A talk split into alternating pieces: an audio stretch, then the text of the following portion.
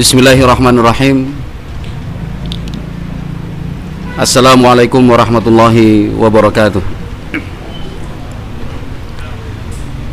Innal hamdalillahi nahmaduhu wa nasta'inuhu wa nastaghfiruh.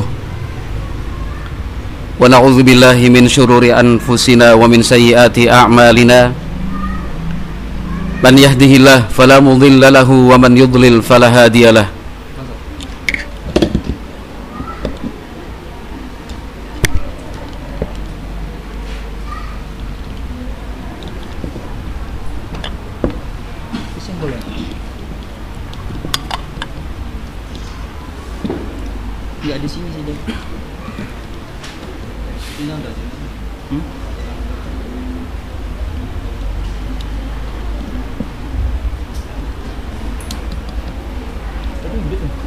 لله نحمده ونستعينه ونستغفره ونعوذ بالله من شرور أنفسنا ومن سيئات أعمالنا من يهده الله فلا مضل له ومن يضلل فلا هادي له. أشهد أن لا إله إلا الله وحده لا شريك له وأشهد أن محمدا عبده ورسوله لا نبي بعده.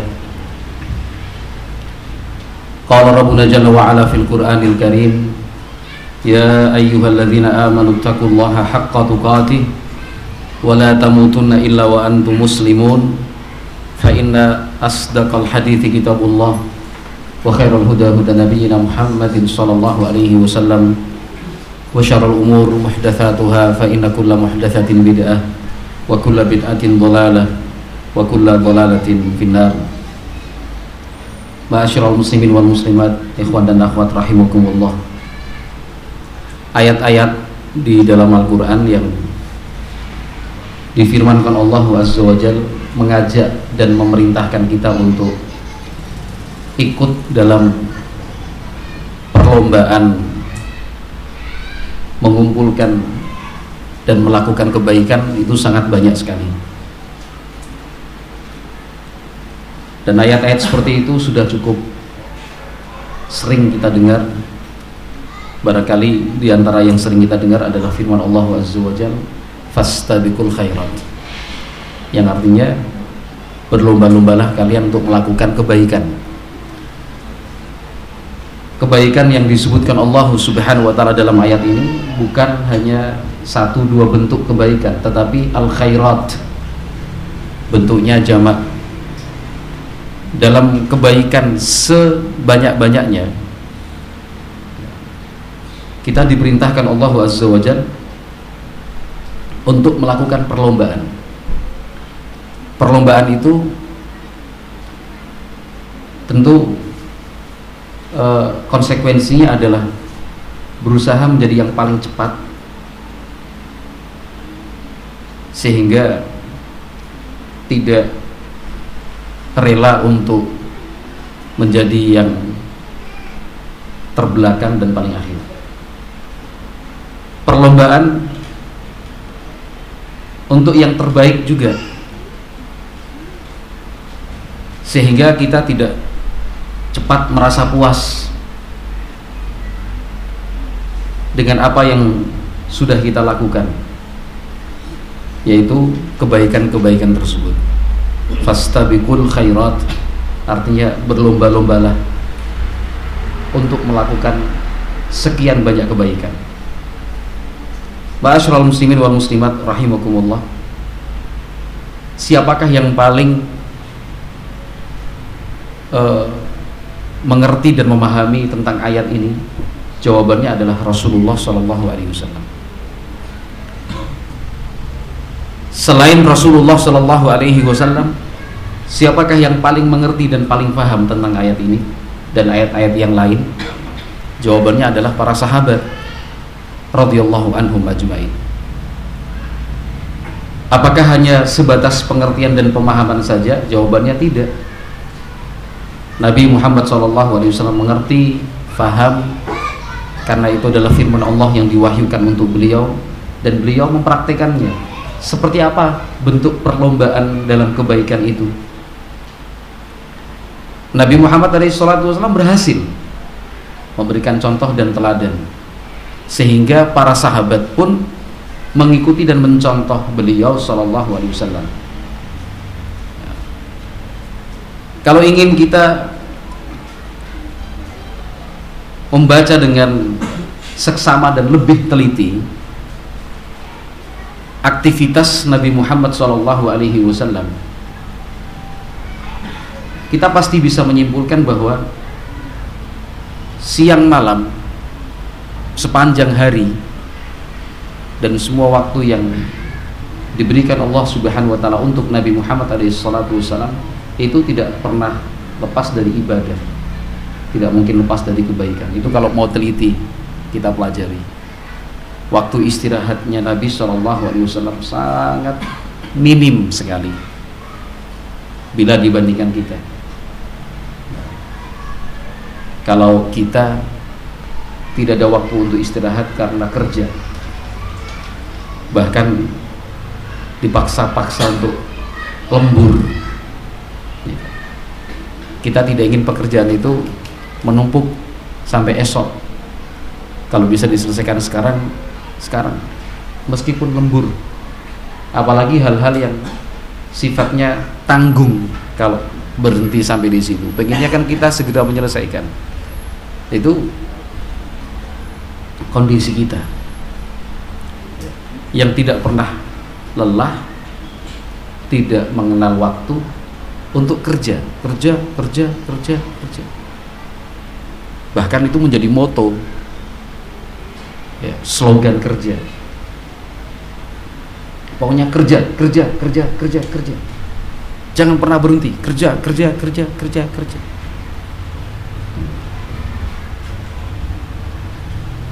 beberapa biografi orang-orang yang sukses dalam urusan dunia. Bisnis usaha atau jenjang karirnya. Itu kalau kita baca beberapa biografi mereka tokoh-tokoh tersebut selalu saja diberikan keterangan e, tidurnya sedikit tidurnya minim. Sehari semalam tiga jam empat jam. Kan itu mereka menganggap tidur itu sebagai penghalang untuk sukses.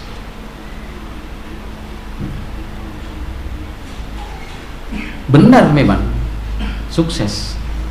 Tapi sukses macam apa yang diperoleh? Ternyata sukses yang sifatnya materi, fisik, lahiriah. Ya kita sendiri mengakui kok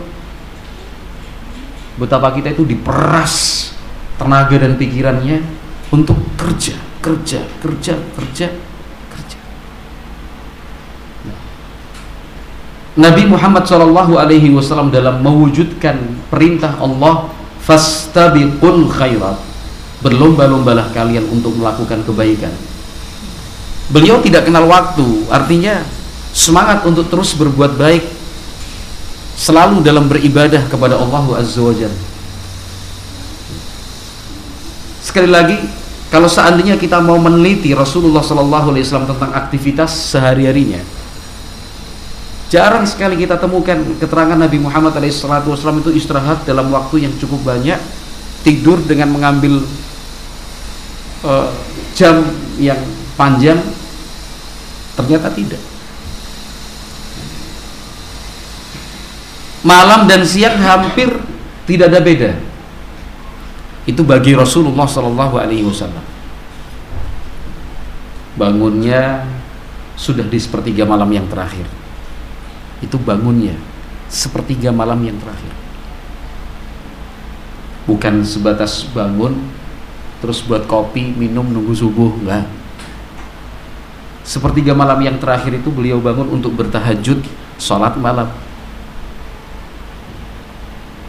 bahkan tidak jarang Nabi Muhammad alaihi salatu wasallam itu bukan hanya sepertiga malam yang terakhir. Bahkan sejak pertengahan malam. Bahkan kadang-kadang semalam suntuk. Sallallahu alaihi wasallam. Pagi hari sudah dimulai dengan aktivitas sholat subuh. Selesai sholat subuh nggak langsung pulang terus tidur lagi kesempatan nih istirahat. Enggak. selesai sholat subuh beliau berzikir membaca wirid-wiridnya. Sampai matahari terbit. Itu bukan waktu yang singkat. Sampai matahari terbit. Setelah matahari terbit beliau sempatkan untuk sholat sunnah dua rakaat. Menunggu matahari terbit terus naik beberapa beberapa tingginya. Beliau sempatkan untuk sholat sunnah dua rakaat. Setelah itu beliau berikan waktu untuk sahabat-sahabatnya berbincang berbicara menjawab memberikan arahan membimbing. Setelah itu Nabi Muhammad SAW pulang untuk memenuhi hak keluarganya. Keluarga beliau bukan cuma satu kan? Yang beliau urus tanggung jawabnya bukan cuma satu istri. Banyak.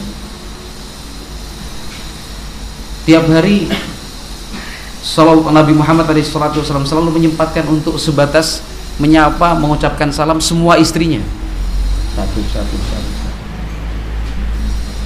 yang kemudian beliau apa namanya masuk ke dalam rumah yang memang giliran istri tersebut.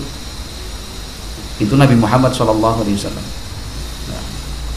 selesai semua dipenuhi hak keluarga ya, membantu meringankan beliau kemudian melaksanakan kewajibannya sebagai seorang nabi sebagai seorang pemimpin sebagai seorang ayah keliling memberikan bimbingan arahan. Sampai zuhur asar maghrib dan begitu Rasulullah Shallallahu Alaihi Wasallam. Kedudukan Nabi Shallallahu Alaihi Wasallam sebagai seorang Rasul itu tidak uh, bisa membuat beliau istirahat dengan waktu yang cukup panjang tidak. Semangatnya untuk menyampaikan ilmu. Luar biasa. Untuk menegakkan amar ma'ruf nahi mungkar sallallahu alaihi wasallam.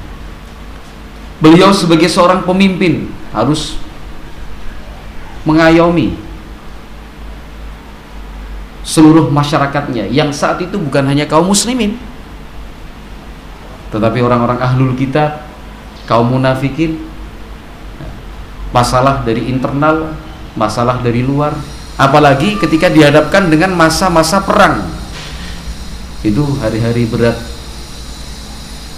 Tetapi saat kita membaca hadis-hadis Nabi Muhammad SAW hampir bahkan semua bentuk dan jenis ibadah. Nabi Muhammad alaihi salatu wasallam kita simpulkan maksimal sekali. Betul-betul luar biasa. Kalau kita berbicara tentang sholat Nabi Muhammad alaihi salatu wasallam itu seakan-akan menghabiskan semua waktunya untuk sholat sholat sholat sholat malam ya Salat wajib lima waktu. Salat duha. Salat-salat sunnah Salat tahiyatul masjid Kalau kita berbicara tentang Puasanya Nabi SAW Yang kita temukan adalah kenyataan bahwa Nabi SAW adalah Figur yang paling sering berpuasa. Dengan beban tugas Dan kewajiban seperti itu Nabi Muhammad SAW masih berpuasa. Ketika beliau pulang dari masjid bertemu dengan sahabat-sahabatnya di waktu pagi masuk ke dalam rumah beliau tanyakan hal indakum min ta'am? Punya sarapan enggak pagi ini kalau misalkan dijawab ada Nabi SAW sarapan kalau misalkan jawabannya tidak ada kata Nabi SAW idan inni saim kalau begitu saya akan puasa hari ini puasanya sedekahnya tidak ada lagi yang tersisa dalam rumah Nabi Wasallam. Semua diberikan untuk sahabat-sahabatnya. Seluruhnya diberikan untuk perjuangan Islam. Nah, tidak ada perabot dan perkakas rumah tangga lebih dari kebutuhan sehari-harinya. Shallallahu Alaihi Wasallam. Nah, beliau tidak memiliki perkakas dan perabot yang sifatnya ini persiapan, persiapan, persiapan. Nanti kalau ada ini, nanti kalau ada ini tidak apa yang beliau perlukan itu yang beliau adakan sallallahu alaihi wasallam ya. berbicara tentang apa lagi itu Nabi Muhammad alaihi salatu wasallam yang melaksanakan firman Allah fastabiqul khairat. Berlomba-lombalah kalian dalam kebaikan. Nah, ini untuk renungan dan introspeksi buat kita semua. Nah, ternyata sangat jauh berbeda bertolak belakang. Nah, kita yang gila kerja. Yang tertantang dengan apa tawaran-tawaran kita yang merasa ingin memenuhi tantangan-tantangan kerja itu sampai lupa makan, lupa minum, lupa anak dan istri, lupa kesehatan. Yang penting apa? Kerja, kerja, kerja, kerja. Padahal yang kita perlukan hanya sebagian dari hasil kerja itu, bukan semuanya. Ikhwati fillah rahimakumullah. Kemudian para sahabat radhiyallahu anhum ajmain. Para sahabat radhiyallahu anhum ajmain. Mereka mengerti dan faham betul tentang makna ayat ini, fastabiqul khairat. Dan juga mereka mempraktekannya seperti apa bentuk pelaksanaan fastabiqul khairat itu, berlomba-lomba dalam kebaikan. Apa yang dilakukan Nabi SAW ditiru oleh mereka apa yang diperbuat oleh Rasulullah Sallallahu Alaihi Wasallam diikuti oleh para sahabat radhiyallahu anhum ajma'in. Ikhwati fillah rahimakumullah. Yang ingin kita pilih sebagai contoh para sahabat radhiyallahu anhum ajmain yang ingin mewujudkan serta melaksanakan firman-Nya fastabiqul khairat adalah para sahabat radhiyallahu anhum ajmain yang Allah Jalla wa ala uji dengan kecacatan. Supaya kita yang fisiknya sempurna itu terpanggil yang cacat saja. Semangat untuk berbuat baiknya luar biasa. Kenapa kita dengan fisik yang sempurna tidak ada cacat kemudian dengan perasaan tenang pikirannya plong santai aja.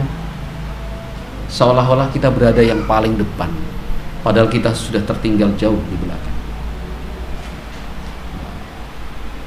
Siapa yang tidak mengenal sahabat Amr ibnul Jamuh? Radhiyallahu anhu. Amr ibnul Jamuh. Seorang sahabat yang di masa jahiliyahnya demikian pula setelah masuk Islam ditokohkan di sukunya sendiri yaitu Bani Salamah atau Bani Salimah. Asli penduduk kota Madinah Amr bin Al-Jamuh radhiyallahu anhu. Kisah keislamannya masyhur melalui proses yang luar biasa yang berperan sebagai sebab Amr bin Al-Jamuh masuk Islam adalah anak kandungnya dan keponakannya. Anak kandungnya yang lebih dahulu masuk Islam bernama Mu'ad bin Amr bin Al-Jamuh radhiyallahu anhu. masuk Islam. Keislamannya baik, bagus, penuh dengan semangat, Nabi Muhammad SAW juga menunjuk beliau sebagai pemimpin untuk kaumnya. Suku Salamah radhiyallahu anhu. Ketika terjadi ajakan dari Nabi SAW untuk mencegat kafilah dagang milik orang-orang Quraisy yang kemudian berakhir dengan uh, terjadinya perang Badar Amr bin Al-Jamuh termasuk yang menyambut panggilan Nabi SAW ingin ikut serta. Padahal misinya kan mencegah rombongan dagang. Amr bin Al-Jamuh ingin ikut. Tetapi anak-anaknya menghalangi jangan, jangan. Anak-anaknya masuk Islam. Mereka berusaha mencegah Amr ibn uh, Amr bin Al-Jamuh ayah mereka supaya tidak ikut dalam rombongan Rasulullah Shallallahu Alaihi Wasallam. Apakah karena mereka menghalang-halangi dari kebaikan? Jawabannya tidak. Mereka menghalang-halangi dan mencegah Amr bin Al Jamuh supaya tidak ikut rombongan Nabi Shallallahu Alaihi Wasallam itu karena sayang dan cintanya kepada ayah mereka. Kenapa? Karena Amr bin Al Jamuh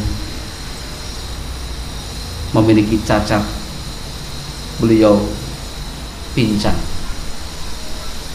pincangnya bukan pincang biasa. Pincangnya sudah parah. Memang cacat radhiyallahu anhu. Berjalan tidak normal cacat pincang. Orang yang pincang tidak memungkinkan untuk beraktivitas sehari-hari seperti biasa. Apalagi kalau akan berangkat berperang yang normal saja untuk berangkat berperang perlu latihan, perlu gerakan yang gesit, yang lincah. Bisa melompat sana, bisa melompat sini, bisa menghindari, bisa mundur ke belakang, bisa menyerang maju. Itu orang biasa yang fisiknya sempurna. Bagaimana dengan beliau Amr bin Al-Jamuh radhiyallahu anhu yang cacat? Dikhawatirkan oleh anak-anaknya kalau seandainya ayah mereka itu kemudian ikut berangkat bukan kemudian membantu pasukan muslim. Dikhawatirkan mereka justru menjadi beban. Orang cacat. Nah. dihalang-halangi oleh para oleh anak-anaknya. Jangan berangkat yang dikehendaki dan diinginkan Amr bin Al-Jamuh radhiyallahu anhu itu bukan sesuatu yang resikonya kecil, resikonya besar.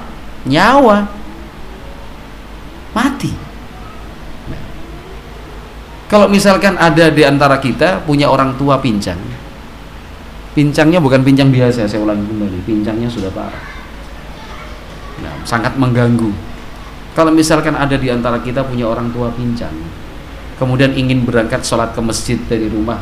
Mau ke mana pak? Ke masjid. Kita biarkan atau kita cegah? Pasti kita akan biarkan. Berangkatnya ke masjid. Nggak ada risiko apa apa kalau berangkat ke masjid risiko mati ada nggak? Artinya secara hukum apa tuh secara hukum manusia nggak ada. Oh, suasana tenang aman. Cuma berangkat ke masjid nanti kemudian pulang Nah, Amr bin Al-Jamuh ingin berangkat berperang. Taruhannya nyawa. Ya dihalang-halangi oleh anak-anaknya. Sampai kemudian betul-betul Amr bin Al-Jamuh radhiyallahu anhu tidak berangkat dalam rombongan perang Badar. Itu sedihnya luar biasa. Sangat-sangat menyesal radhiyallahu anhu karena tidak ikut serta dalam perang Badar. Yang menyesal bukan cuma Amr bin Al-Jamuh, hampir semua sahabat menyesal. Karena perang Badar adalah momen yang sangat bersejarah. Mereka yang terlibat dan ikut serta dalam perang Badar memiliki kedudukan khusus dan istimewa di hadapan Allah Subhanahu wa taala. Nah, Amr bin Al-Jamuh radhiyallahu anhu kecewa, menyesal luar biasa. Kenapa tidak ikut dalam rombongan itu? Walaupun misi pertama mencegat kafilah dagang. Tapi kan ujung-ujungnya perang. Sehingga pada saat terjadi perang Uhud ketika terjadi perang Uhud Amr bin Al-Jamuh sudah mengultimatum anak-anaknya kalau sekarang kalian gak bisa menghalang-halangi saya ini sudah tua pincang tua, pincang. Yang akan dilakukan ini penuh resiko. Resikonya kematian. Anak-anaknya masih berusaha menghalangi. Kenapa? Karena anak-anaknya pun berpikir bahwa sang ayah termasuk zawil a'zar, termasuk orang-orang yang dapat uzur, cacat. Dapat uzur untuk tidak berangkat berjihad bisa memerangi musuh. Tapi karena apa? Ingin melaksanakan firman Allah Azza wa Jal Fastabikul khairat Berlomba-lombalah untuk berbuat baik. Bukan kemudian seperti kita sebenarnya mampu tapi pura-pura tidak mampu. Nah, seharusnya termasuk yang ikut terlibat tapi menganggap dirinya punya uzur. Ketika ada panggilan ajakan untuk melakukan satu bentuk amalan soleh ibadah. Lebih memilih menghindar. Enggak lah yang lain aja. La haula wala quwwata fastabiqul khairatnya mana? Amr bin Al-Jamuh itu pincang sudah tua. Ingin berangkat berjihad visabilillah yang resikonya kematian bertengkar. Kalau di zaman sekarang kan bertengkarnya kenapa? Karena nggak mau berangkat. Kalau ini bertengkarnya kenapa? Karena mau berangkat. Bertengkarnya karena pengen ibadah. Bukan sebaliknya bertengkarnya karena gak mau ibadah. Seorang bapak bertengkar sama anaknya. Karena bapaknya nyuruh anaknya sholat anaknya nggak mau. Itu kan sering terjadi tengkar kan itu. Kamu disuruh sholat gak mau apa bapak bertengkarnya kenapa? Karena ingin karena tidak melaksanakan ibadah. Lah ini bertengkarnya. Ya, bertengkar ini bukan kemudian berkelahi loh ya. Artinya e, antara Amr bin Al-Jamu dan anak-anaknya itu tarik menarik berangkat tidak berangkat tidak berangkat. Apa sampai di situ perjuangan Amr bin Al-Jamuh radhiyallahu tidak. Amr bin Al-Jamuh sengaja mencari datang menemui Rasulullah sallallahu alaihi wasallam. Yashkuhum. Amr bin Al-Jamuh mengadu kepada Nabi Shallallahu Alaihi Wasallam tentang sikap anak-anaknya. Mengadu kepada Rasulullah SAW tentang sikap anaknya. Kalau zaman sekarang kan enggak ya kan? dia langgalangannya ya memang aku nggak mampu kok merasa nggak bisa merasa nggak mampu ya kan? Tidak kemudian ngotot untuk berangkat ya ngotot untuk ikut terlibat. Itu tadi seperti yang saya sebutkan di depan. Justru merasa dapat tutur merasa nggak bisa merasa nggak mampu merasa bukan saya biar orang lain saja lah cuek. Amr bin Al-Jamuh datang menemui Nabi Muhammad SAW beliau mengatakan apa saya ingin menginjakkan saya ingin menginjak surga dengan pincangku ini luar biasa radhiyallahu anhu. Cita-citanya mulia. Tekadnya luar biasa. Menyampaikan kepada Nabi alaihi salatu wasallam ingin menginjak surga, artinya ingin sampai masuk ke dalam surga dengan apa? Dengan cacatnya itu, pincangnya. Orang pincang, semangatnya luar biasa. Radhiyallahu anhu yang kemudian oleh Nabi alaihi salatu wasallam disampaikan kepada anak-anaknya jangan halang-halangi dia Jangan cegah ayahmu untuk berangkat berjihad fisabilillah. Berangkat ikut dalam pasukan Islam ketika terjadi perang Uhud. Ketika terjadi perang Uhud, ikut serta. Yang kemudian termasuk sahabat yang gugur fisabilillah. Bukan bunuh diri. Memang bertempur, gugur fisabilillah. Itu Amr bin Al-Jamuh radhiyallahu anhu. Ketika terjadi banjir, beberapa uh, puluh tahun bahkan setelahnya atau beberapa tahun setelahnya cukup lama lah ya. akhirnya kuburan syuhada Uhud itu dipindahkan kalau sebuah lokasi yang lain itu jasadnya masih utuh Amr bin Al-Jamuh radhiyallahu taala di sini kita perlu belajar ikhwan dan akhwat abak dan ummahat hafizakumullahu jami'an kita perlu belajar dari para sahabat radhiyallahu anhum ajmain dengan cacatnya Amr bin Al-Jamuh radhiyallahu anhu ingin dan menghendaki kedudukan yang tinggi di sisi Allah Subhanahu wa taala. Dengan pincangnya ingin menginjakkan kaki di surga.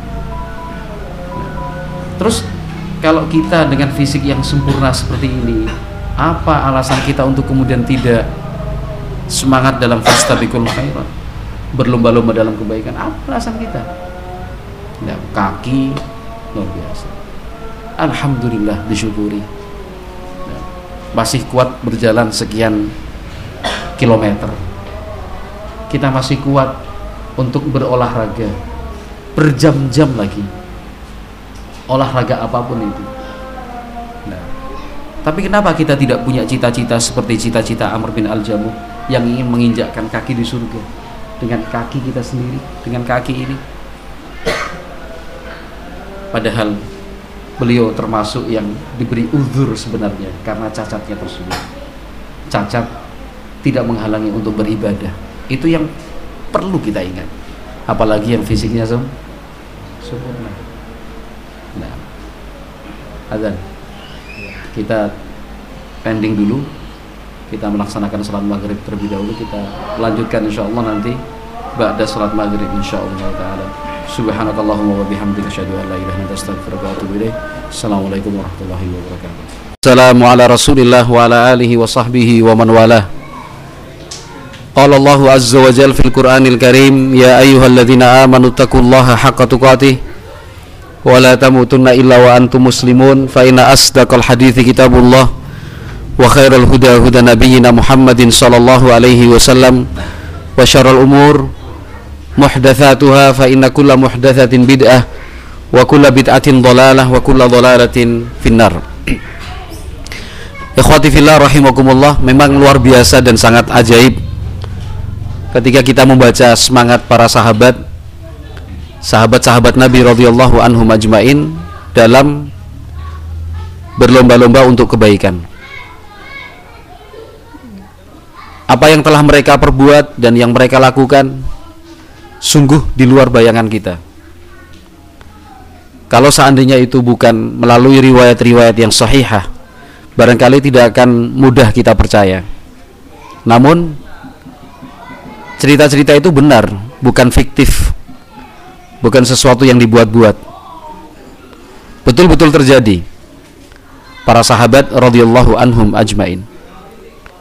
Pada pertemuan pertama sebelum maghrib tadi, contoh yang kita sebutkan adalah sahabat yang mulia Amr bin Al-Jamuh radhiyallahu anhu. Amr bin Al-Jamuh radhiyallahu anhu, seorang sahabat sahabat yang mulia memiliki kedudukan yang cukup dekat dengan Nabi Shallallahu alaihi wasallam. Kondisi cacat yang beliau alami dalam hal ini adalah pincang sehingga tidak dapat berjalan secara normal. Itu nyatanya bukan penghalang untuk beribadah. Bagi beliau itu tidak menjadi alasan untuk kemudian diam, tidak terlibat dalam kegiatan-kegiatan amalan soleh, tidak. Bahkan eh, amalan soleh dan ibadah yang diinginkan oleh Amr bin Al-Jamuh itu bukan ibadah biasa yang sehari-hari dilakukan, tetapi ibadah yang disebut dengan al-jihad fi sabilillah. Perang. Perang sungguhan. Bukan bukan perang mainan. Perang ben, uh, perang benaran bukan cuma sekedar latihan bukan. Nah, itu Amr bin Al-Jamuh radhiyallahu anhu. Mestinya ketika kita membaca cerita semacam ini ada motivasi yang kita dapatkan untuk beribadah beramal soleh Allah Subhanahu wa taala melalui para sahabat mengingatkan serta menyadarkan kita yang secara fisik tidak mengalami cacat. Secara fisik tidak pincang. Harusnya lebih lagi untuk bersemangat dalam kebaikan.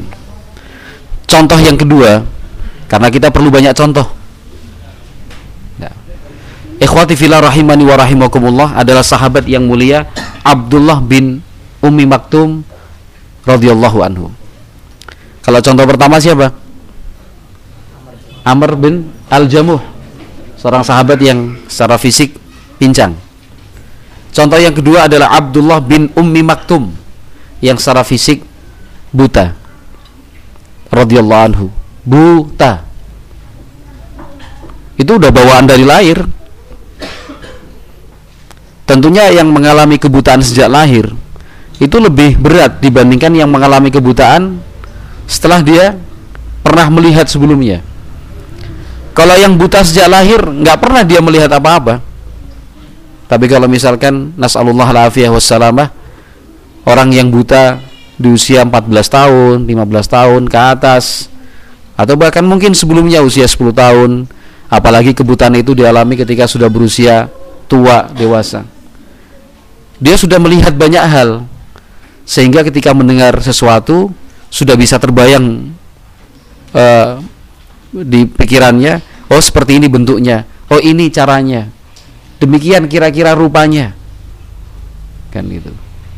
Kenapa? Karena dia pernah melihat sebelumnya ada gambaran sebuah model untuk membayangkan. Tapi kalau seseorang yang sejak lahir mengalami kebutaan ini kan uh, ujian yang luar biasa. Ketika orang menyebut benda A, B, C, D diterangkan juga sifat-sifatnya bentuknya demikian nah. Belum pernah dia lihat sekalipun. Tetapi kita patut belajar dari sahabat Abdullah bin Umi Maktum radhiyallahu anhu bahwa cacat itu bukan penghalang untuk ibadah. Kebutaan itu bukan kemudian dijadikan alasan berada di paling belakang, tidak aktif dalam kegiatan-kegiatan ibadah, tidak aktif dalam berdakwah. Sekali lagi, bukan alasan bukan penghalang. Abdullah bin Umi Maktum radhiyallahu taala dengan cacatnya yang kehilangan penglihatan sejak kecil ya. Ternyata uh, dipilih dan ditunjuk oleh Nabi Muhammad SAW untuk bertanggung jawab dan mengambil peranan-peranan strategis dan penting. Bukan kemudian diabaikan oleh Nabi SAW, bukan Nabi Muhammad SAW tidak membeda-bedakan antara yang fisiknya sempurna dengan yang mengalami cacat bukan. Nah, karena yang membedakan adalah takwa. Nah, Nabi Muhammad SAW apabila berangkat untuk berjihad fi sabilillah bersama dengan pasukan Islam ini dalam rangka perang maka yang ditunjuk untuk menjadi pemimpin kota Madinah adalah Abdullah bin Umi Maktum radhiyallahu taala. Nah, itu bukan tugas kecil ya. Itu tugas ringan apa tugas berat itu? Memimpin kota Madinah. Berat. Nah, bayangkan dari sekian banyak yang masih tersisa dan tertinggal di kota Madinah. Nabi Muhammad SAW memilih Abdullah bin Umi Maktum yang buta Memang di kota Madinah apabila Nabi Muhammad SAW berangkat berperang yang ditinggalkan anak-anak, perempuan, orang-orang tua dan beberapa sahabat yang ditunjuknya. Tetapi lihatlah Nabi Muhammad SAW memuliakan menghormati orang buta. Kenapa dihormati? Kenapa dimuliakan? Karena semangatnya dalam ibadah. Bahkan Allah Subhanahu wa taala dari atas langit yang ketujuh memuji dan menyanjung sahabat Abdullah bin Umi Maktum radhiyallahu taala Disebutkan dalam beberapa referensi bahwa sahabat Abdullah bin Umi Maktum radhiyallahu taala pernah 13 kali itu ditunjuk oleh Nabi wasallam memimpin kota Madinah. Ketika Nabi alaihi salatu wasallam berangkat berjihad, 13 kali itu bukan angka kecil, bukan angka sedikit. Nah, tugasnya bukan dalam hitungan jam, hari, bahkan berbulan-bulan kalau jaraknya jauh, bukan cuma hari, mingguan, bahkan bulanan, berbulan-bulan. Yang memimpin kota Madinah sekali lagi, kebijakannya, keputusannya terkait dengan umat. Tanggung jawabnya bukan individu berindividu, masalahnya bukan orang per orang, tetapi tanggung jawab umat Islam, tanggung jawab kota Madinah itu ada di tangan Abdullah bin Umi Maktum radhiyallahu taala anhu. Beliau sekaligus sebagai imam salat lima waktu. Karena itu tugas dan fungsi pokok seorang pemimpin. Bukan cuma memimpin, memimpin di bidang pembangunan fisik, tetapi juga memimpin dalam pembangunan spiritual, pembangunan membangun eh, hal-hal uh, yang sifatnya uh, batin, iman dan takwa. Nah, Abdullah bin Umi Maktum radhiyallahu anhu itu diangkat oleh Nabi Muhammad SAW memimpin sholat berjamaah, memimpin kota Madinah, wa yar'a Jadi kalau ada masalah, itu yang memutuskan siapa? Abdullah bin Umi Maktum, orangnya buta. radhiyallahu anhu. Nah, Nabi Muhammad betul-betul memuliakannya. Dan Nabi Muhammad SAW pernah ditegur oleh Allah Subhanahu wa taala dikarenakan apa? beliau saat itu kurang memperhatikan sahabat Abdullah bin Umi Maktum yang buta. Abdullah bin Umi Maktum itu penduduk asli kota Mekah. Kalau Amr ibnul Jamuh penduduk asli kota Kota apa Mas tadi? Sudah saya sampaikan belum? Kalau belum dicek rekamannya. Sudah. Amr bin Al Jamuh itu asli penduduk kota Madinah dari suku Bani Salamah. Ahsan dari suku Bani Salamah. Nah, Abdullah bin Umi Maktum asli suku Quraisy, Mekah.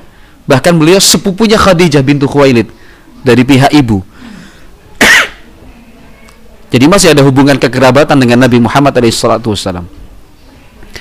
Di awal-awal Islam, Nabi Muhammad SAW memiliki perhatian yang cukup serius terhadap para pemimpin dan tokoh-tokoh utama suku Quraisy mendakwahi mereka, mengingatkan mereka, menyampaikan firman-firman Allah Azza wa. Tokoh-tokohnya disasar.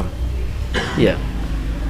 Kita pun sekarang berpikir seperti itu kan. Kalau misalkan pemimpinnya udah kecekal kalau bahasa Jawa sudah bisa di lobby, berarti bawahannya jauh lebih mudah. Begitulah kira-kira.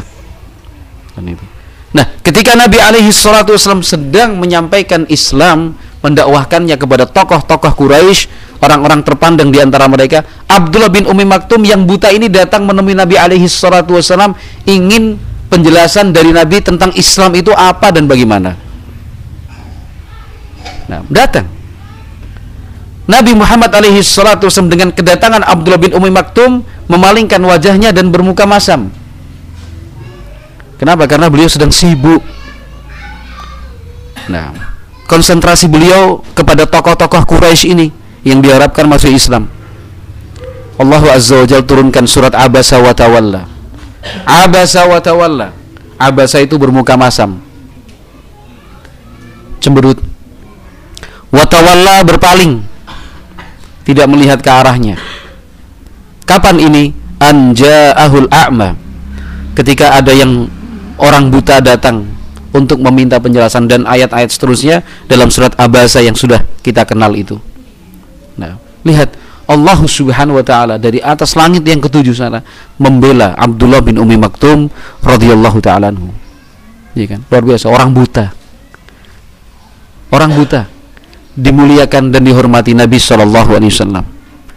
Ya, dipuji bahkan disebut oleh Allah dalam firman-Nya anja'ahul a'ma ketika orang yang buta itu datang. Al-a'ma kalau kita belajar bahasa Arab itu isim ma'rifat menggunakan alif lam. Al-a'ma, orangnya jelas. Itu pujian dari Allah Azza wa Jalla untuk siapa? Abdullah bin Umi Maktum. Bahagia dan beruntung sekali seorang hamba yang disebut dalam Al-Qur'an namanya atau sifat-sifatnya Allah sebutkan dalam firman-firmannya bahagianya luar biasa. Anja'ahul a'ma nah. Ikhwati fillah rahimani wa rahimakumullah. Hal ini sekali lagi untuk mengingatkan kita bahwa kesempatan untuk beribadah peluang untuk beramal soleh itu harus dimanfaatkan sebaik-baiknya. Sama sekali kalau kita ingin jujur dan berterus terang kita tidak punya alasan yang kemudian bisa dipertahankan sebagai alasan. Sebenarnya nggak ada.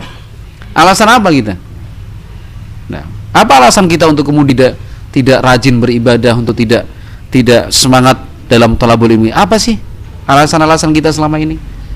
Kalaupun ada seperti yang saya sebutkan tadi, alasan yang tidak bisa dipertahankan. Dan itu. Kita nggak punya alasan cacat, fisik kita alhamdulillah baik sempurna. Ya kan? Masalah jauh dan dekatnya Allah berikan untuk kita kemudahan transportasi, alat-alat dan sarana. Ya. Kan? Kalau masalah kesibukan kerja, ya karena kita saja yang mau diatur oleh pekerjaan. mestinya kita yang mengatur pekerjaan itu. Kita kok diatur dunia enak aja. Nggak level lah. Kita yang ngatur dunia. Kan itu mohon maaf ya jangan tersinggung ya. Kan tersinggung juga boleh. Kan itu. Ya memang tujuan ngaji itu biar tersinggung kok. Supaya apa? Supaya evaluasi diri kan gitu ya kalaupun sekarang kita masih merasa belum mampu untuk lebih baik paling tidak kita sudah bisa menyusun rencana lah rencana jangka pendek rencana jangka menengah, rencana jangka panjang, tapi jangan terlalu panjang kedahuluan mati. Kan itu. Akhirnya rencana tinggal ren rencana. Jangan kita nggak punya alasan apa-apa. Iya kan? Cari uang ini dan segala macam masih banyak pintu-pintu untuk mencari uang itu. Hanya saja kita yang kurang informasi, kita yang tidak semangat untuk mencari informasi. Padahal informasi itu banyak sekali di kanan kiri kita. Syaitan seperti yang Allah terangkan dalam firman-Nya asy-syaitan ya'idukumul faqra wa ya'murukum bil fahsya. Syaitan itu memang menakut-nakuti kalian dengan kefakiran. Kita memang sudah terbawa oleh was-was kalau nggak kerja nggak makan, kalau nggak kerja miskin, kalau nggak kerja mati. Gitu. Akhirnya tidak berpikir untuk mencari apa e, kegiatan yang secara penghasilan alhamdulillah bisa mencukupi, tapi tidak mengganggu proses ibadah kita secara maksimal. Yang jelas sekali lagi kalau misalkan kita mau jujur dan berterus terang, kita nggak punya alasan untuk kemudian tidak terlibat. Sahabat Abdullah bin Umi Maktum radhiyallahu taala itu orangnya buta. Buta. Tapi beliau bisa tampil di jajaran terdepan para sahabat Nabi radhiyallahu anhum ajmain. Ayat-ayat yang Allah turunkan tadi apa tidak cukup sebagai bukti bahwa memang Abdullah bin Umi Maktum, sahabat Nabi tersebut, punya kedudukan dan derajat yang sangat tinggi di hadapan Allah, buta padahal. Apakah yang dilakukan Nabi alaihi salatu dengan menunjuk, memilih, menetapkan Abdullah bin Umi Maktum sebagai pemimpin tertinggi kota Madinah apabila apabila beliau tidak berada di kota Madinah apa itu tidak menjadi bukti yang cukup bahwa ternyata orang buta sekalipun nah itu masih punya kesempatan untuk berlomba-lomba dalam kebaikan mengamalkan firman Allah Azza wa Jal fastabikul khairat nah. ikhwati filah rahimani wa rahimakumullah kita juga perlu tahu bahwa Abdullah bin Umi Maktum radhiyallahu ta'ala itu termasuk sahabat yang mula-mula berhijrah ke kota Madinah nah itu masuk dalam rombongan pertama nah bukan yang tengah-tengah bukan yang dia ada di belakang. Nah, Abdullah bin Umi Maktum radhiyallahu taala bahkan masuk dalam hitungan jari secara nomor urut.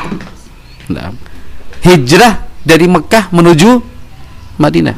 Dalam beberapa referensi bahkan masuk dalam apa namanya? 10 bahkan 5 orang pertama yang berangkat berhijrah ke kota Madinah. Setelah sahabat yang mulia Mus'ab bin Umair radhiyallahu taala sekali lagi orang buta. Menempuh perjalanan ratusan kilometer antara 500 sampai 600 kilometer jaraknya. Buta. Nah, kalau orang buta keliling kota Bekasi mah biasa. Di mana-mana. Nah, orang buta kemudian tinggal di satu rumah di sebuah komplek komunitas barangkali di yayasan penyandang cacat tunanetra ya kan? Mohon maaf kita tidak sama sekali berkeinginan untuk menghina tapi kita bicara tentang kenyataan dan fakta. Orang yang buta yang jaraknya mungkin satu kilo dua kilo bagi kita udah biasa. Tapi bayangkan sahabat Abdullah bin Umi Maktum itu menempuh perjalanan 500 sampai 600 km nah ya tentunya dengan rombongan. Nah bukan kemudian berangkat sendirian tentunya tidak ada penunjuk jalannya dipegang aja mas nah ini kita berpacu dengan waktu mas Nah.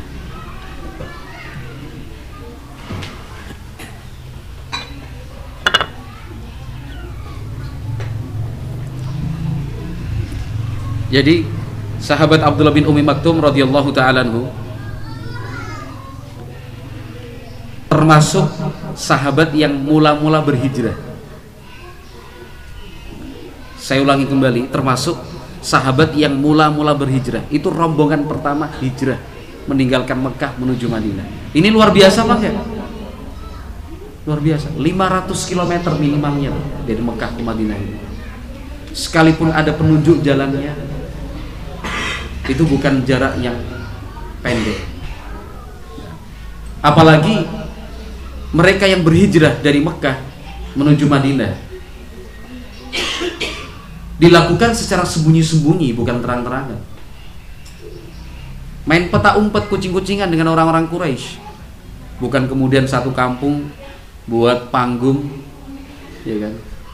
Kemudian yang mau berangkat hijrah dilepas dengan sebuah acara yang cukup besar. Enggak. Orang-orang kafir Quraisy berusaha menghalang-halangi kaum muslimin berhijrah. Abdullah bin Umar Maktum radhiyallahu anhu berangkat berhijrah ke kota Madinah buta radhiyallahu anhu. Lah kita yang Allah Subhanahu wa taala anugerahkan bisa melihat dengan baik. Meskipun ada di antara kita menggunakan alat bantu yang namanya kacamata. Tetapi bukankah kita masih bisa melihat? Masih bisa melihat. Dari rumah ke masjid udah ngeluh. Jauh sekali Ustadz rumah saya dengan masjid. Berapa?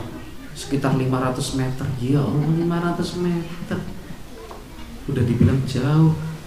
Kerjamu itu loh berapa kilometer dari rumah. Ditempuh tiap pagi berangkat pulang sore. Lebih jauh mana tempat kerja kita dari rumah dengan masjid dengan rumah? Jauh mana tapi itulah mungkin karena kualitas iman kita yang memang harus terus ditingkatkan kualitas takwa kita yang apa mesti diperkuat. Abdullah bin Umi Maktum radhiyallahu taala berangkat berhijrah dari Mekah ke kota Madinah. Sesampainya di kota Madinah, Abdullah bin Umi Maktum termasuk sahabat yang giat berdakwah. Karena Nabi Muhammad SAW belum berhijrah itu kan rombongan pertama. Sementara Nabi Muhammad SAW masih belum diizinkan Allah berangkat berhijrah. Para sahabat bergelombang meninggalkan Mekah menuju Madinah satu dua dua tiga terus begitu bergelombang. Abdullah bin Umi Maktum sambil menunggu kedatangan Nabi Ali SAW termasuk sahabat yang punya kemampuan untuk berdakwah selain Mus'ab bin Umair radhiyallahu taala menjadi juru. Orang buta, Mas. Berdakwah. Pada saat Nabi Muhammad Shallallahu Alaihi Wasallam tiba di kota Madinah, kemudian syariat Islam terus disempurnakan.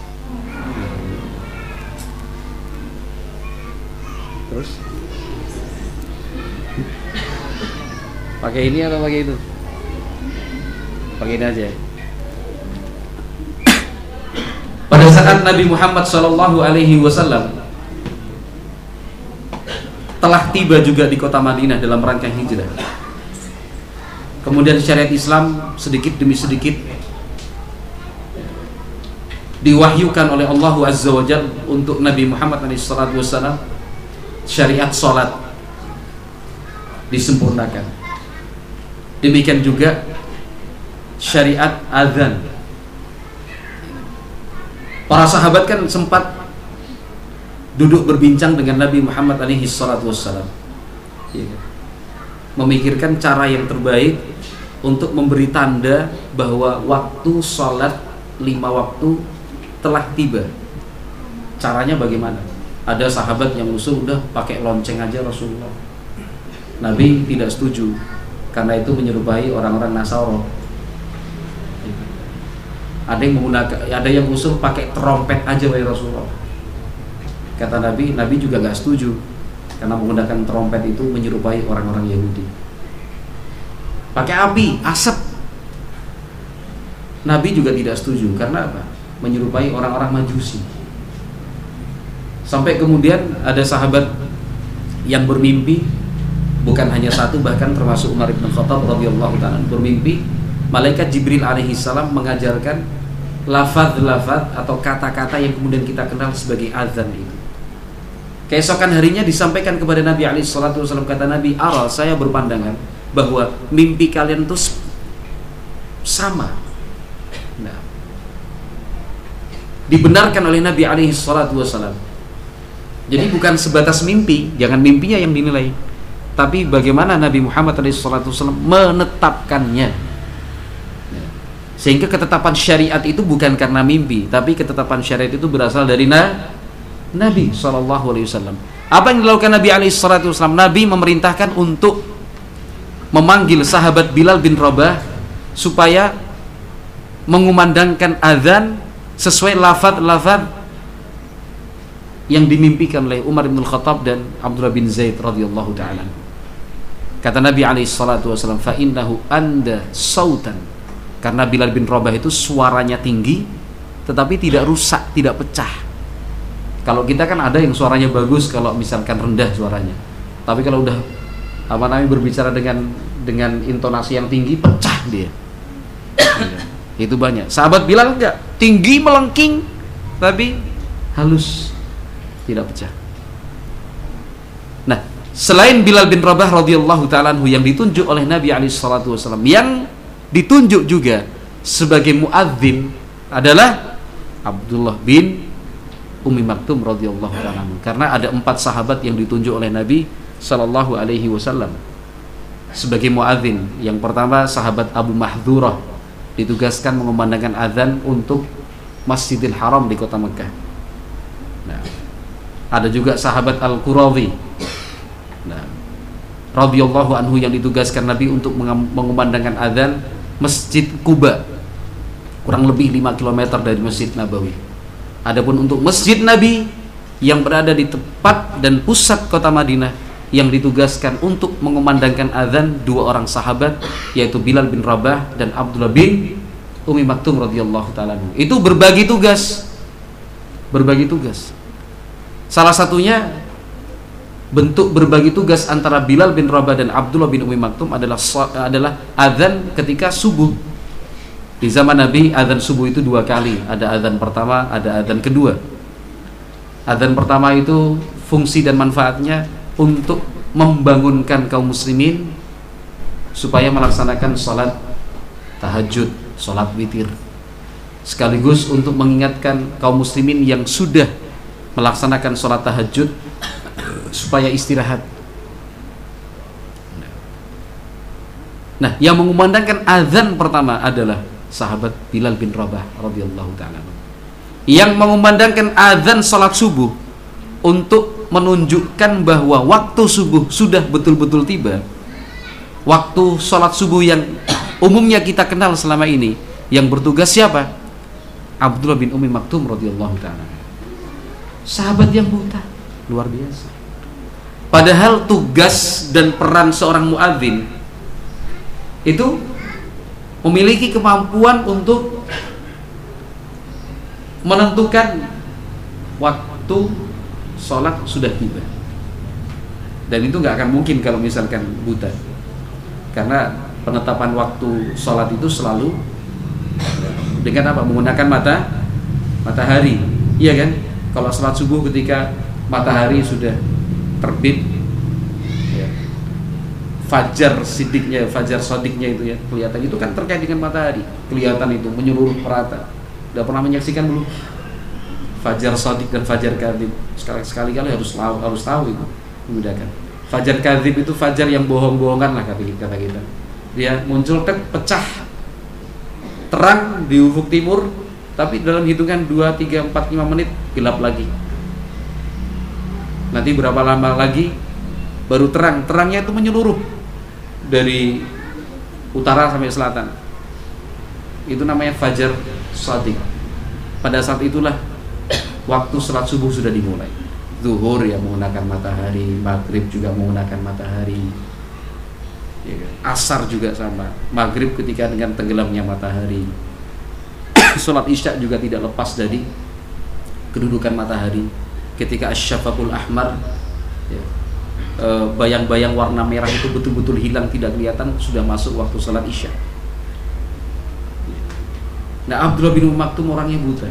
Maka ada beberapa sahabat ya, Yang akan menyampaikan kepada Abdullah bin Maktum Bahwa waktu sholat sudah tiba. Ada yang membantunya. Kata Nabi Shallallahu Alaihi Wasallam dalam hadis muttafaqun alaih Bukhari Muslim, Inna bilalan yu'adzinu bilailin fakulu washrabu hatta yu'adzina ibnu ummi maktum. Kata Nabi Shallallahu Alaihi Wasallam, sesungguhnya Bilal mengumandangkan adzan itu ketika masih malam, belum terbit fajar sadiknya. Maka silahkan makan, silahkan minum, sampai kalian mendengar Abdullah bin Ummi Maktum mengumandangkan adzan. Muadzinnya Nabi itu orang buta salah satunya. Radhiyallahu anhu Abdullah bin Ummi Maktum. Nah. Sekali lagi pertanyaannya sekarang. Apakah cacat itu menjadi penghalang untuk beribadah? Jawabannya tidak.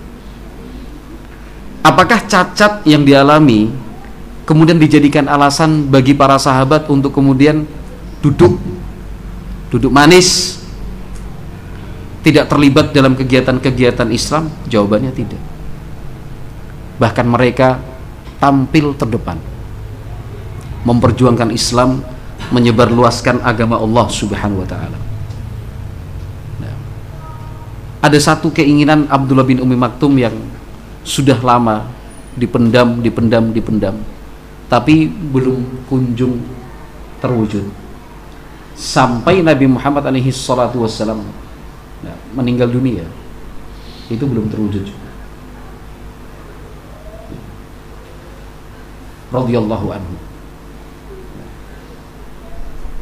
keinginan beliau apa itu jihad fisabilillah jihad fisabilillah orang buta punya cita-cita berperang masuk akal nggak Masuk akal enggak? Enggak lah. Nah, kalau orang pincang masih masuk akal ya? Masih. Maka contohnya kan kita buat bertingkat begitu. Dari sahabat yang pertama Amr ibnul Jamuh radhiyallahu anhu. Yang walaupun secara hitung-hitungan militer sudah termasuk uzur ini, nggak usah. Tidak termasuk yang diwajibkan untuk berjihad fisabilillah. Kenapa pincang? Dan betul-betul mengganggu sekali. Tapi tetap cita-citanya berjuang untuk Islam mati dalam memperjuangkan Islam. Itu cita-citanya mati untuk memperjuangkan Islam.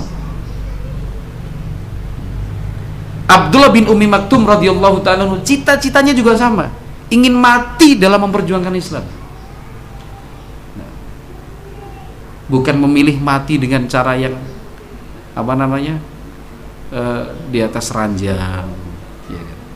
berharap ketika mati itu prosesnya anak istri kanan kiri nungguin seakan-akan bisa direncanakan cara matinya berpikir kalau mati itu nanti kalau udah masalahnya udah selesai semua nggak akan mungkin mas masalahnya selesai. Yang paling terpenting adalah bagaimana kita mempersiapkan diri untuk menyelesaikan masalah-masalah itu di hadapan Allah Subhanahu wa taala. Itu aja. Abdullah bin Umi Maktum radhiyallahu taala ingin sekali syahid fisabilillah berjihad fisabilillah kira-kira menurut kita orang buta ingin perang posisinya di mana coba orang buta berperang posisinya di mana? Perang loh bukan di dapur. Kenapa? Karena beliau juga Abdullah bin um-, Umi Maktum itu sering mendengar ayat-ayat Allah Azza wa yang menjelaskan tentang keutamaan serta pahala orang yang berjihad fisabilillah Abdullah bin Umi Maktum juga sering mendengar keterangan-keterangan dari Nabi Shallallahu Alaihi Wasallam tentang keutamaan berjuang visabilillah. Walaupun buta kan beliau mendengar. Siapa yang tidak tidak apa namanya terpompa semangatnya untuk ikut beribadah, ikut andil, mencari pahala sebanyak-banyaknya dari Allah. Siapa yang tidak terpompa semangatnya? Sementara Nabi Wasallam hampir tiap waktu mengingatkan ini pahalanya, ini pahalanya, ini pahalanya terkhusus dan terutama jihad fisabilillah. Abdullah bin Umar Maktum dari awal ingin sekali berjihad fisabilillah. Tapi selalu ditunjuk oleh Nabi, jangan berangkat. Kamu tetap di kota Madinah, pimpin kota Madinah. Nah. Apakah dengan memimpin kota Madinah tidak ikut berangkat berjuang kemudian terhalang dari pahala? Jawabannya enggak kan? Kata Nabi alaihi wasallam, "Inna bil Madinati la aqwaman atau la rijalan sungguh di kota Madinah itu ada beberapa orang kanu ma'akum fil ajri ini disampaikan Nabi alaihi salatu ketika berangkat berjihad sudah meninggalkan kota Madinah. Melewati lembah melewati gunung. Kata Nabi kepada pasukan muslim waktu itu yang sudah jauh dari kota Madinah kata Nabi di kota Madinah itu ada beberapa orang. Itu secara pahala sama dengan kalian. Di kota Madinah punya pahala sama dengan orang yang berjihad visabilillah nah, kenapa? Habasahumul udhru. Mereka tidak berangkat berjihad itu karena punya uzur bukan karena malas bukan karena nggak mau bukan karena pura-pura nggak tahu. Padahal tahu sebenarnya. Pura-pura nggak paham. Hah? apa? Gitu. diajak. Misalkan dalam kepanitiaan mas nanti bantu saya ngatur kendaraan di bagian parkir ya. Pura-pura nggak denger. Mau nggak mas? Apa? Eh pura-pura nggak paham padahal denger. Itu contoh aja jangan tersinggung lah. Bukan cuma masalah parkir dalam semua hal lah. Pura-pura nggak paham pura-pura nggak ngerti kan gitu. apa gue harus ngomong sama lu mas? Saya Mukhtar bin Rifai minta anda Abu Abdillah sebut namanya lengkap untuk membantu saya Mukhtar untuk ngatur kendaraan parkir nanti malam jam 7 sampai jam harus kayak gitu. Kan enggak kan? Kan kan cukup mas nanti bantu saya ngurusi kendaraan parkir ya. Oh iya kan itu ini pura-pura. Apa mas? Gimana? Ya sahabat kan panutan kita. As-salafus soleh itu siapa? As-salafus soleh itu yang pertama ya generasi sahabat. Nah para sahabat sudah memberikan teladan buat kita Supaya tidak diam berpangku tangan. Jangan. Buta loh Buta. Radhiyallahu anhu. Punya cita-cita apa? Berjihad bisa birinlah Loh kita matanya masih baik. Kakinya juga baik. Fisiknya bagus. Sehat walafiat. Masya Allah. Suplemennya lancar. Gizi dan vitaminnya luar biasa. Ada ajakan. Ada seruan untuk sama-sama memperjuangkan Islam kemudian kita tidak tergugah semangatnya. Masya Allah. Hati kita di mana? Diajak kemudian tidak tergugah. Diajak tidak tersentuh. Diajak kemudian tidak faham dan tidak mengerti. Yang seharusnya ikut terlibat dalam program-program dan kegiatan yang baik itu. Kita harus mencontoh para sahabat radhiyallahu anhum ajmain. Dan akhirnya hari yang ditunggu-tunggu dan dinanti-nanti sahabat Abdullah bin Umi Maktum juga datang. Tahukah kita bahwa Abdullah bin Umi Maktum radhiyallahu anhu itu meninggal dunia meninggal dunia kenapa? Karena berjihad bisa Tahukah kita sahabat Abdullah bin Umi Maktum yang buta itu buta meninggalnya karena berperang. Dalam sebuah pertempuran. Nah, posisi yang diserahkan untuk beliau itu bukan tugas ringan. Tugas yang diemban oleh sahabat Abdullah bin Umi Maktum radhiyallahu taala itu memegang salah satu panji perang umat Islam. Makanya tadi ketika saya tanya kira-kira kalau orang buta perang itu posisinya di mana? Ternyata posisinya di mana? Posisinya itu memegang bendera begini supaya tidak jatuh. Petugas yang membawa bendera atau panji itu apa kemudian dibiarkan sendiri? Jawabannya enggak. Itu pasti ada satu tim yang akan melindungi. Buta tidak buta pasti ada yang akan melindungi nggak akan mungkin orang yang tugasnya bawa pedang eh, bawa bendera atau bawa panji-panji perang kemudian sendirian nggak mungkin karena bendera dan panji itu sebagai tanda ya kan? Sebagai tanda umbul-umbul kalau kita juga. Oh pasukan sana bawa bendera sendiri. Oh itu pasukan kavaleri berjalan kaki. Yang sana pasukan kuda punya bendera sendiri. Kan yang sana pasukan belakang punya bendera sendiri. Kalau misalkan oh benderanya masih ada masih banyak umbul-umbulnya berarti pasukan di sana masih kuat di sana kok tinggal sedikit uh benderanya nggak ada sama sekali berarti musuh sudah bisa mulai menguasai Jadi tugasnya apa? Memegang ben bendera. Dalam perang apa, Mas? Meninggalnya? Bukan. Kesempatan kedua untuk menjawab. Dalam perang apa, Mas?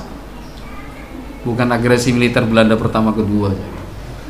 Sejarah Islam harus paham kita dong. Dalam perang Qadisiyah. Dalam perang Qadisiyah. Pasukan Islam melawan pasukan Ro, eh, pasukan Per Persia Qadisiyah yang dipimpin Sa'ad bin Abi Waqqas radhiyallahu taala itu gugur Abdullah bin Umi Maktum terhormat sekali Abdullah bin Maktum gugur sebagai syahid bisa bilang ternyata buta itu bukan menjadi penghalang untuk meraih syahid bisa bilang berjuang di jalan Allah. Mati demi memperjuangkan Islam oleh karena itu ikhwan dan akhwat rahimakumullah, abak dan ummahat hafidhukumullah. Kita jadikan para sahabat sebagai contoh dan teladan buat kita semua.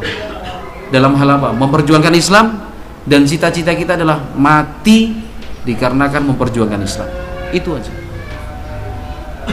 Supaya kita bisa meraih janji-janji kebaikan yang difirmankan Allah dalam Al-Qur'anul Karim janji-janji yang sudah disebutkan oleh Nabi Muhammad SAW dalam sabda-sabdanya yang mulia. Di semua tempat tanpa terkecuali bukan cuma di tempat ini. Saya ulangi kembali di semua tempat bukan cuma di tempat ini. Yaitu di tempat-tempat yang ada dakwah salafiyah di sana. Ada salafi ada ahli sunnah. Pasti punya keinginan apa? Untuk mampu istiqomah di atas manhaj salaf itu cita-cita kita semua di mana pun orangnya pasti cita-citanya sama. Supaya kuat dalam bermanhaj supaya tetap di atas sunnah. Maka di semua tempat itu selalu berpikir bagaimana membangun sebuah komunitas salafi. Ya kan? Kanan kiri tetangganya ahlu sunnah salafi. Punya masjid sendiri. Sehingga ibadah yang kita lakukan di masjid tersebut betul-betul maksimal sesuai sunnah Nabi. Softnya diatur dengan baik dan rapi lurus yang disampaikan dan diajarkan di masjid itu adalah sunnah tauhid. Yang diamalkan di sana adalah ajaran-ajaran Nabi Alaihissalam bukan sesuatu yang sifatnya bid'ah maksiat bukan. Yang dibangun di atas ketakwaan dimakmurkan dengan ketakwaan. Kita tentunya semua bukan cuma di tempat ini di mana pun tempat yang ada ahlu sunnah salafiyin di sana pasti punya cita-cita dan keinginan memiliki apa sebuah lembaga pendidikan yang dikelola oleh salafiyin sendiri kurikulumnya juga kurikulum salafiyin Quran Sunnah dengan pemahaman salafus saleh pengajar-pengajarnya juga salafi salafiyah kan gitu. dibangun di atas ketakwaan dan keimanan tidak ada tendensi dan tujuan apa-apa sama sekali bukan karena uang bukan karena gaji bukan tapi karena ingin mati di atas Islam sesuatu yang tidak bisa dihargai gak bisa dinilai dengan uang. Mati di atas Islam. Nah, saya kira dua sahabat tadi cukup. Padahal kita masih ada Abdullah bin Mas'ud radhiyallahu taala yang pincang juga. Ya. Ada sahabat yang sangat miskin dan fakir. Nggak punya apa-apa. Ada para wanita. Para wanita pun seperti itu. Untuk akhwat untuk umahat. Contoh dan teladani para sahabiat itu mereka walaupun kaum wanita punya cita-cita mulia walaupun tidak memiliki ruang yang sama besarnya dengan laki-laki di medan perjuangan dakwah Islam tapi tidak membuat mereka patah semangat. Nah, sedekah mereka lancar para wanita. Mereka sabar di dalam mendidik anak-anaknya mempersiapkan mujahid-mujahid Islam menanamkan akidah tauhid kepada anak-anak mereka bahkan tidak sedikit dari mereka yang ingin juga mati di atas Islam ketika sedang memperjuangkan agama Allah dalam perang. Dan itu banyak. Ya ada di antara sahabiah yang kemudian meninggal dunia ketika terjadi perang. Oleh karena itu ikhwan dan akhwat abad dan umahat rahimakumullah mudah-mudahan dengan sedikit penjelasan dan keterangan singkat ini menggugah kita untuk punya kepedulian terhadap agama kita punya perhatian yang besar untuk dakwah ini. Nah jangan sampai kita pura-pura nggak tahu pura-pura merasa tidak tahu. Harus cari tahu aktif. Ada apa sih sekarang kegiatannya? Programnya apa nih? Kan gitu. Kita saling tanya satu dengan yang lain. Kalau kita punya grup WhatsApp barangkali ada nggak grup WhatsApp di sini? Ada kan? Sesekali tapi jangan cuma mancing-mancing tapi ada konsekuensinya. Tanya ini ada program apa ya kita di Tambun? Bukan cuma mancing doang serius maksudnya. Jangan sampai cuma mancing doang eh ketika disampaikan oh aku nggak ikut. Jangan. Serius ini programnya apa? Yang lain bilang oh ini programnya ini ini ini. Yuk kita suksesin yuk. Karena yang Allah berikan buat kita sangat banyak sekali. Sementara yang apa secara fisik saja kurang. Sahabat-sahabat Nabi tadi contohnya Amr bin Al-Jamu Abdullah bin Umi Maktum dan beberapa sahabat lainnya. Mereka ternyata apa? Tidak mau ketinggalan. Tidak mau ketinggalan. Mereka semua bercita-cita mati dikarenakan memperjuangkan Islam. Dan barang siapa di antara kita yang punya cita-cita untuk mati di atas Islam mati di dalam jihad fisabilillah maka balaghullah Allah Subhanahu wa taala akan mudahkan dia mencapai keinginannya. Walau wa in mata ala firashi walaupun dia mati di atas kasur ranjang tidurnya tapi statusnya syahid indallah. Kenapa? Dia punya keinginan yang jujur betul-betul tulus ingin syahid fisabilillah wallahu alam bisawab yang sedikit ini semoga bermanfaat. Subhanakallahumma wa bihamdika asyhadu an la ilaha illa anta astaghfiruka wa atubu ilaik assalamualaikum warahmatullahi wabarakatuh